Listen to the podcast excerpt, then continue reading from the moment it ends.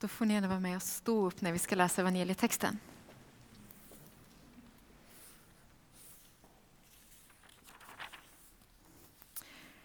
Och vi läser från Johannes evangeliet kapitel 15, vers 10-17. Och om ni vill följa med i era biblar, eller de biblar som man kan ta här i gudstjänstrummet, så är det sidan 917.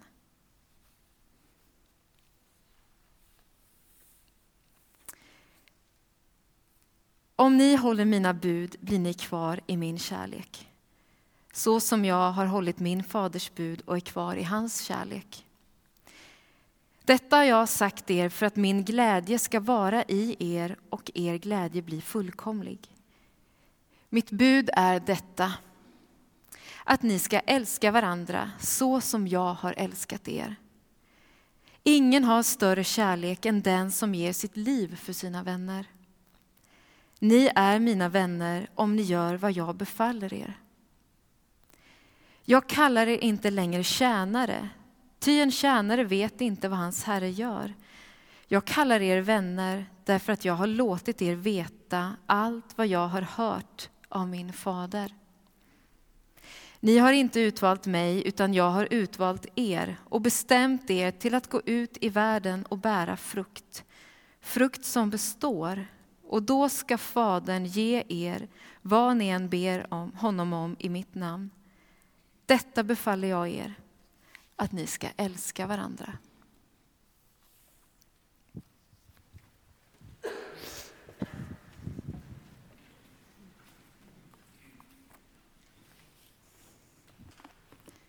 Jag möblerar om här lite bara. Så.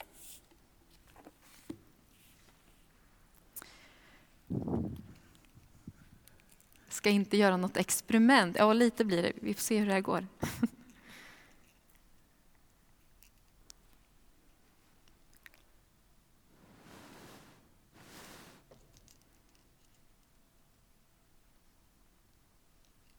Vi tar en till. Vi får se om det blir bättre.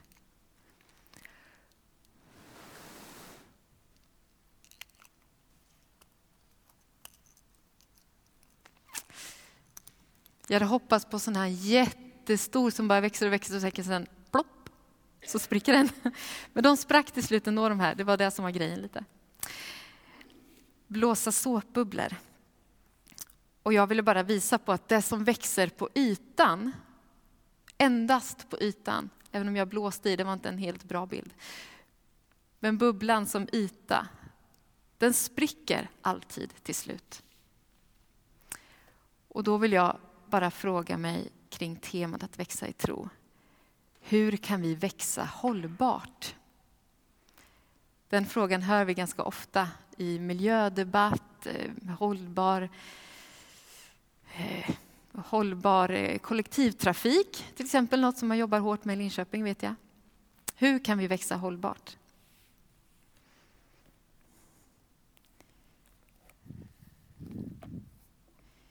Precis innan det vi läste nyss, i evangelietexten, så kan vi läsa om eh, när Jesus berättar liknelsen om vinstocken. Johannes 15 kapitel 1-10. Jag läser den. Jag är den sanna vinstocken och min fader är vinodlaren. Varje gren i mig som inte bär frukt skär han bort och varje gren som bär frukt ansar han så att den bär mer frukt. Ni är redan ansade genom ordet som jag har förkunnat för er. Bli kvar i mig så blir jag kvar i er. Liksom grenen inte kan bära frukt av sig själv om den inte sitter kvar på vinstocken kan inte heller ni göra det om ni inte är kvar i mig. Jag är vinstocken, ni är grenarna. Om någon är kvar i mig och jag i honom så bär han rik frukt. Utan mig kan ni ingenting göra. Den som inte är kvar i mig blir som grenarna som kastas bort och vissnar. De samlas ihop och läggs på elden och bränns upp. Om ni blir kvar i mig och mina ord blir kvar i er, så be om vad ni vill och ni ska få det. Min fader förhärligas när ni bär rik frukt och blir mina lärjungar. Liksom Fadern har älskat mig, så har jag älskat er. Bli kvar i min kärlek.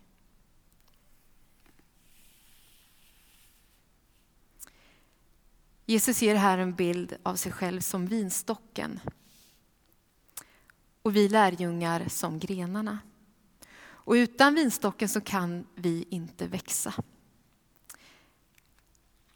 Jesus talar inte här om att vara nära honom, utan han talar faktiskt om att vara i honom. Och då kommer vi inte bara växa, utan till och med bära frukt. Det är någonting som sker utanför oss, utanför vår egen kontroll. Och det här temat har jag våndats lite för. Jag vet när jag fick höra att det här ska du få predika om, så åh nej. Jag tycker det här är jättesvårt i mitt liv. Eh, utan att det blir prestation eller... Ja, hur gör man? Hur, hur gör man? Liksom?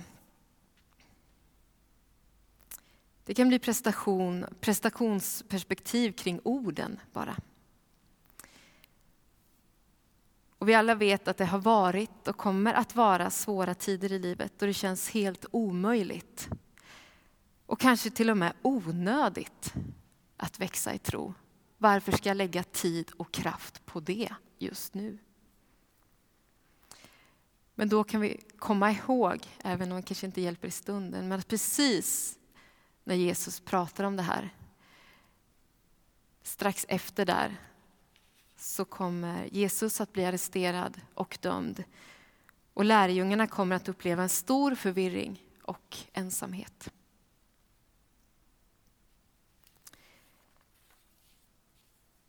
Jag tycker mig se en del paradoxala perspektiv med den här delen i lärjungaskapet som kan göra det ytterligare förvirrande. Jesus säger till exempel, var lika barnen hur växer man i tro om man är likt ett barn? Då tänker jag, om man ser till ett barn som har det relativt tryggt omkring sig i alla fall, att det vilar på ett beroende och en tillit. Och också på ett eh, positivt underordnande. Barnet är beroende av den större och har en tillit till den större. Och det är som att vi behöver bli små för att kunna växa. Och jag kan också se ett likhetstecken mellan växa och fördjupa. Det är också en motsats, att växa men att också fördjupa. Och vi behöver fördjupa kunskap, absolut. Men jag tror framför allt att vi behöver fördjupa relationer. Både till varann, men också fördjupa vår relation till Gud.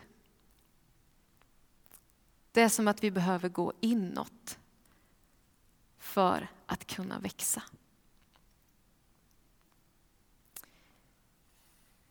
Vi fick höra tidigare också texten från första Johannesbrevet, kapitel 3, 18-24. Jag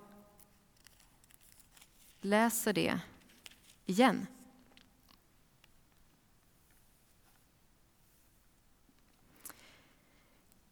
Mina barn, låt oss inte älska med tomma ord utan med handling och sanning. Då förstår vi att vi är sanningens barn och om vårt hjärta dömer oss kan vi inför honom övertyga det om att Gud är större än vårt hjärta och förstår allt. Mina kära, om hjärtat inte dömer oss kan vi stå frimodiga inför Gud. Och vad vi än ber om får vi av honom eftersom vi håller hans bud och gör det som behagar honom. Och detta är hans bud, att vi ska tro på hans son Jesus Kristi namn och älska varandra så som han har befallt oss. Den som håller Guds bud förblir i Gud och Gud i honom och att han förblir i oss vet vi av anden som han har gett oss.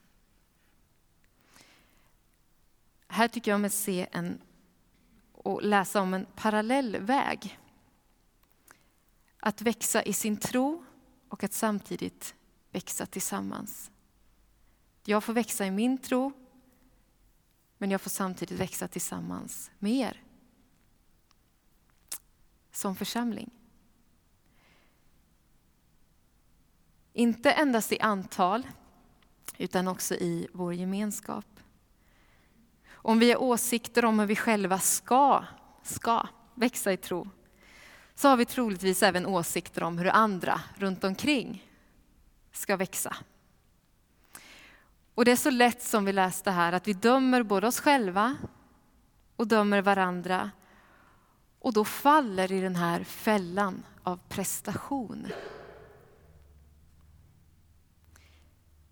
Men som vi läste, Gud är större än vårt hjärta och förstår allt. Och vi kan stå frimodiga inför Gud. Vi får vara frimodiga. Och det vill jag att vi ska hjälpa varandra med.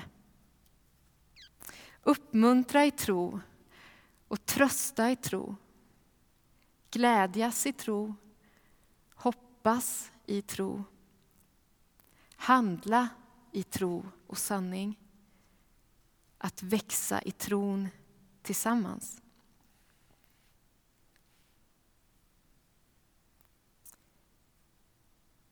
I Johannes evangeliet 15, 11-17 som vi läste alldeles i början, så står det då i vers 12 att ni ska älska varandra så som jag har älskat er.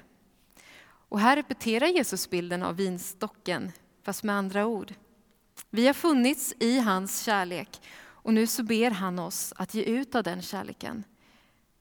Och den kan då växa och sträcka sig utåt och ge frukt genom att vi fortfarande är kvar i ursprunget. Om vi backar till vers 9 så står det, liksom Fadern har älskat mig så har jag älskat er. Bli kvar i min kärlek.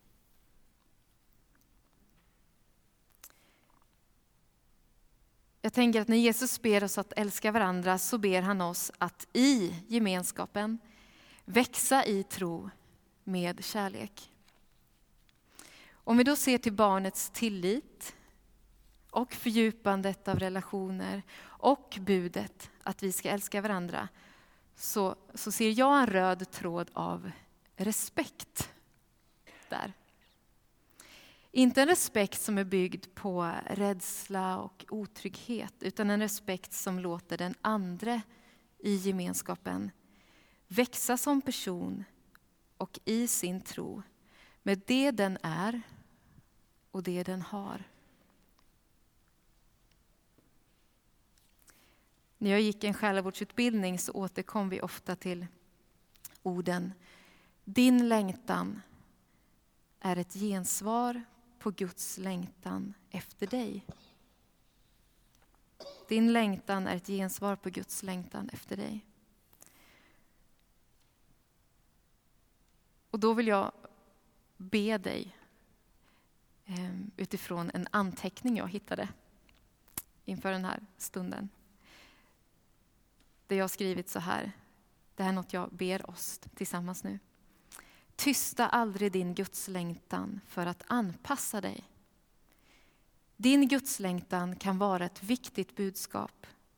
En gåva till kyrkan, till församlingen, till någon nära dig eller till någon du inte känner till än. Så tysta aldrig din gudslängtan.